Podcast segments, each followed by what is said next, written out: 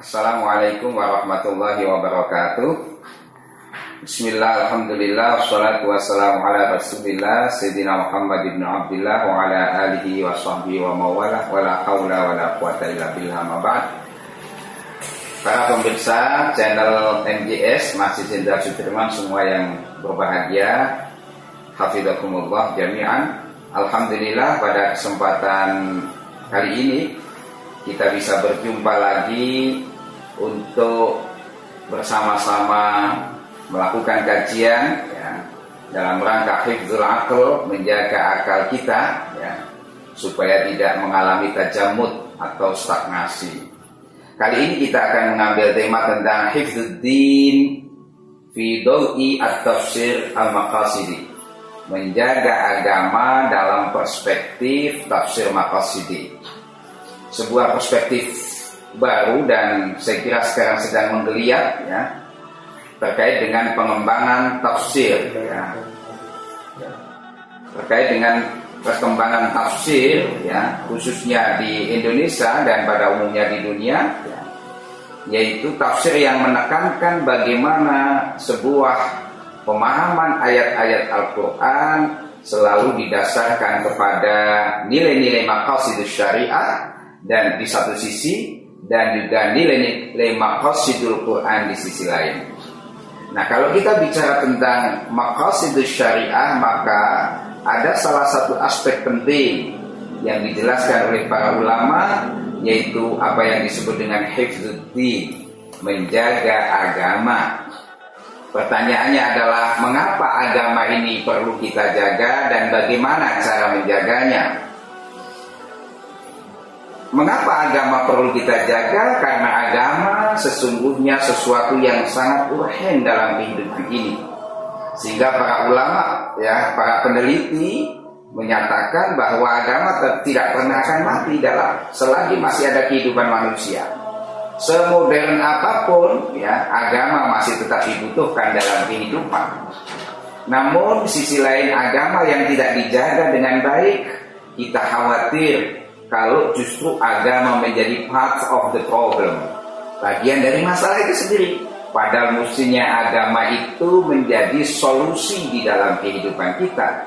Karena memang agama diturunkan oleh Allah itu untuk kepentingan manusia, untuk kemaslahatan manusia, tahqiqul maslahah wa darul mafsadah. Nah, itulah basic teori dalam tafsir maqasid ini. Nah, jadi agama ini penting jangan sampai eh, agama ini penting kita jaga jangan sampai agama itu di hijack oleh sebagian orang yang tidak bertanggung jawab sehingga menyebabkan agama justru menjadi problem terbesar dalam kehidupan kita. Padahal mestinya agama hadir untuk solusinya. Itu alasan mengapa Hibbuddin jadi penting. Bagaimana caranya? Kalau kita meminjam teorinya Imam Ash-Shatibi di dalam kitab Al-Muwafaq fi Usul Syariah dan ini saya pakai juga di dalam pengembangan ini saya pakai uh, di dalam pengembangan tafsir Maqasidi ada dua cara. Yang pertama, apa yang disebut menjaga agama min haitsu al-wujud dari sisi produktif. Artinya bagaimana agama ini uh, terus menerus kita kembangkan supaya nilai kemaslahatan agama bagi manusia bisa dirasakan bukan hanya di dunia tetapi juga nanti ila yaumil akhirat. Nah, menjaga agama min haitsu al-wujud saya me, uh, mengidentifikasi setidaknya ada tiga poin. Yang pertama yaitu dengan melakukan tafakuh bidin mendalami agama, mengkaji agama dalam hal ini agama Islam dengan mendalam ya. Mengkaji agama dengan serius, jangan parsial ya. Dan ini antara lain diisyaratkan misalnya di dalam surat At-Taubah 122 di mana Allah Subhanahu wa taala berfirman, "A'udzu billahi minasyaitonir rajim." Falaula nafara min kulli firqatin minhum Ta'ifatul liyatafaqahu fid din waliyunziru qaumahum idza raja'u ilaihim la'allahum yahdharun. Tidak sepatutnya, tidak semestinya orang itu semuanya pergi berperang, ya. maka mestinya ada sebagian dari masing-masing kelompok mereka itu orang-orang yang mau mendalami agama ya liyatafaqahu fiddin agar mereka mendalami agama.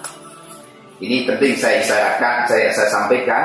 Kenapa redaksinya menggunakan liyatafaqahu. Yatafaqahu itu mengikuti wazan yatafa'alu. Itu punya faidah yakni apa? Kesungguhan. Bil jiddi wal juhud jadi belajar agamanya serius. Ya.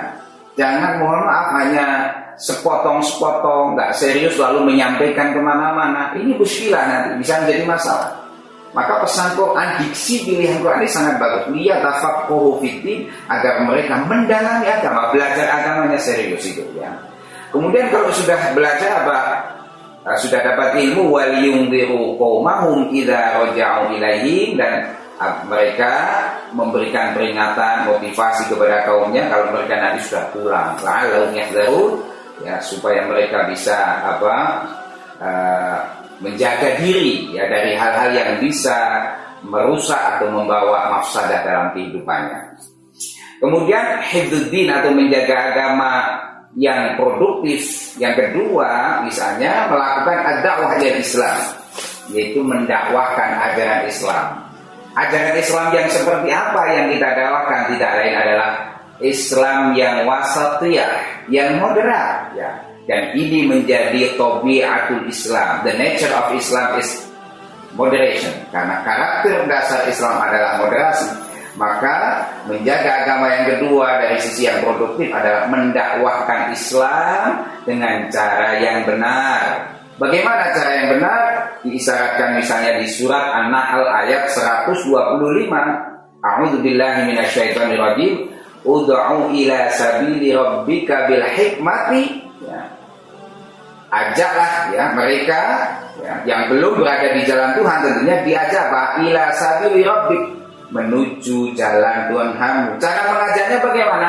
Bil hikmati dengan bijaksana, dengan wise, ya dengan arif ya wal mau'izah dengan nasihat yang baik wal mau'izatil hasanah dengan nasihat yang baik kalau dinasihati mereka mendebat bagaimana? Quran mengatakan wajadilhum billati hiya ahsan. Ajaklah mereka debat ya, berargumentasi ya, berdiskusi dengan cara yang terbaik.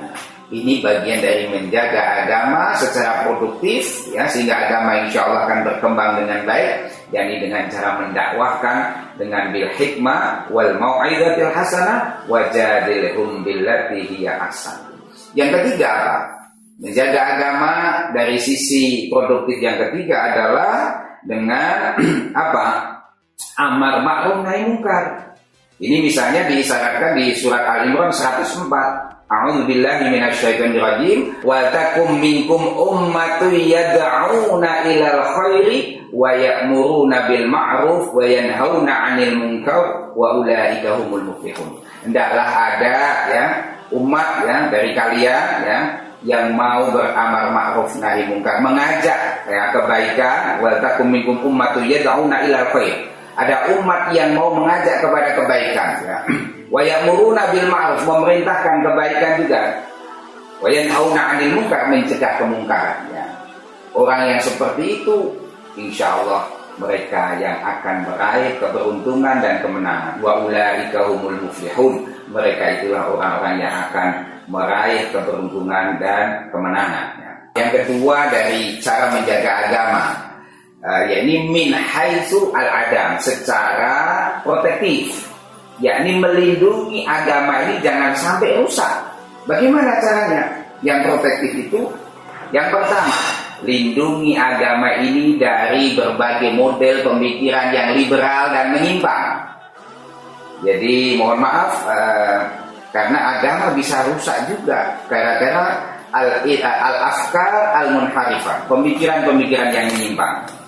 Contoh ini yang baru-baru ini ya di India ya mungkin saudara juga mengikuti ada keinginan menghapus 26 ayat Al-Quran yang dianggap itu palsu menurut uh, salah seorang ya yang mengusulkan di India dan dan tentu ini mendapat uh, protes keras dari uh, umat Islam di India dan juga umat Islam di seluruh dunia. Karena apa? Al-Quran ini sudah sabit, sudah qat'ayyul wurud, sudah mujma' alaih di kalangan para ulama, kaum muslimin, mundur zaman sejak lama. Kok tiba-tiba ada orang bilang, ini ada ayat-ayat yang perlu diamputasi, ini ada ayat-ayat yang perlu dihilangkan, bahkan mengajukan ke uh, Mahkamah Agung. Tentu ini sebuah pemikiran yang menyimpang dan harus uh, kita lawan ya, karena itu bisa merusak agama itu sendiri. Jadi menjaga agama uh, secara protektif atau min haitsu al-adam yakni menjaga agama dari pikiran-pikiran yang menyimpang ya yang uh, justru membuat resah dan khusyuk dalam kehidupan agama. Yang kedua, yang min haitsul adam adalah apa? Menjaga agama dari tindakan-tindakan kekerasan yang mengatasnamakan agama. Violent in the name of religion itu tidak boleh. Oleh sebab itu kita harus kembalikan karakter dan tujuan beragama itu apa? Yaitu supaya kita bisa meraih kemaslahatan kehidupan di dunia dan akhirat. Supaya kita bisa tetap hidup rukun, saling menghormati satu dengan yang lain toleran satu dengan yang lain dengan tetap komited terhadap keyakinan agama kita. Jangan dengan dalih toleransi antar umat beragama lalu kita justru e, menjadi terjebak kepada paham sinkretisme. Ini tentu tidak bisa dibenarkan. Tapi juga jangan dengan dalih fanatisme beragama lalu kita tidak bisa toleran menghormati keyakinan agama yang lain. Maka kembali ini jangan sampai ya agama ini di hijack oleh orang-orang yang mengatasnamakan agama tetapi tindakannya justru membenarkan kekerasan. Al-unuf ini tidak boleh. Kemudian yang ketiga menjaga agama min haitsu adam ya dari sisi protektifnya menjaga uh, dari model-model penyebaran berita ya berita hoax yang bisa mengadu domba antar penganut agama satu dengan agama yang lain. Maka mohon maaf saya menyarankan ya, kepada siapa pun ya, terutama mualaf ya yang mungkin ya uh, dulu dari agama yang lain lalu maksudnya jangan pernah kemudian menjelek-jelekan agama yang lain. Ya, karena ini tentu bisa melukai penganut agama yang lain. Jadi, Jangan sampai uh, psikologi mantan ini lalu merusak ya. Psikologi mantan ini merusak agama itu sendiri ya. Anda kalau sudah nawa itu masuk Islam, masuklah Islam dengan baik. Kalau bisa tunjukkan keberislaman Anda semakin baik tanpa harus menyakiti atau menyinggung perasaan penganut agama yang lain. Saya menganalkan begini saudara. Jadi Anda beragama ini seperti Anda punya istri. Anda boleh menjunjung tinggi uh, agama Anda, Anda boleh mengalem atau memuji istri Anda. Wah, istri saya memang cantik, uh, istri saya memang sabar, pengertian. Cukup sampai di situ. Jangan kemudian dilanjutkan. Istri saya memang cantik, nggak seperti istrimu. Nah, ini tentu menyakitkan uh, orang lain kan. Nah, oleh sebab itu kembali lagi jaga agama ini secara protektif ya dari uh, penyebaran-penyebaran berita-berita provokatif, berita-berita hoax yang bisa mengadu domba antar umat beragama maupun internal umat beragama. Saya kira eh, demikian sedikit yang bisa disampaikan terkait dengan hifdzuddin fi dawi at-tafsir al-maqasidi. Semoga bermanfaat dan menginspirasi kita. Wallahu a'lam bissawab. Wallahu yahdi ila sawa'is sabil. Assalamualaikum warahmatullahi wabarakatuh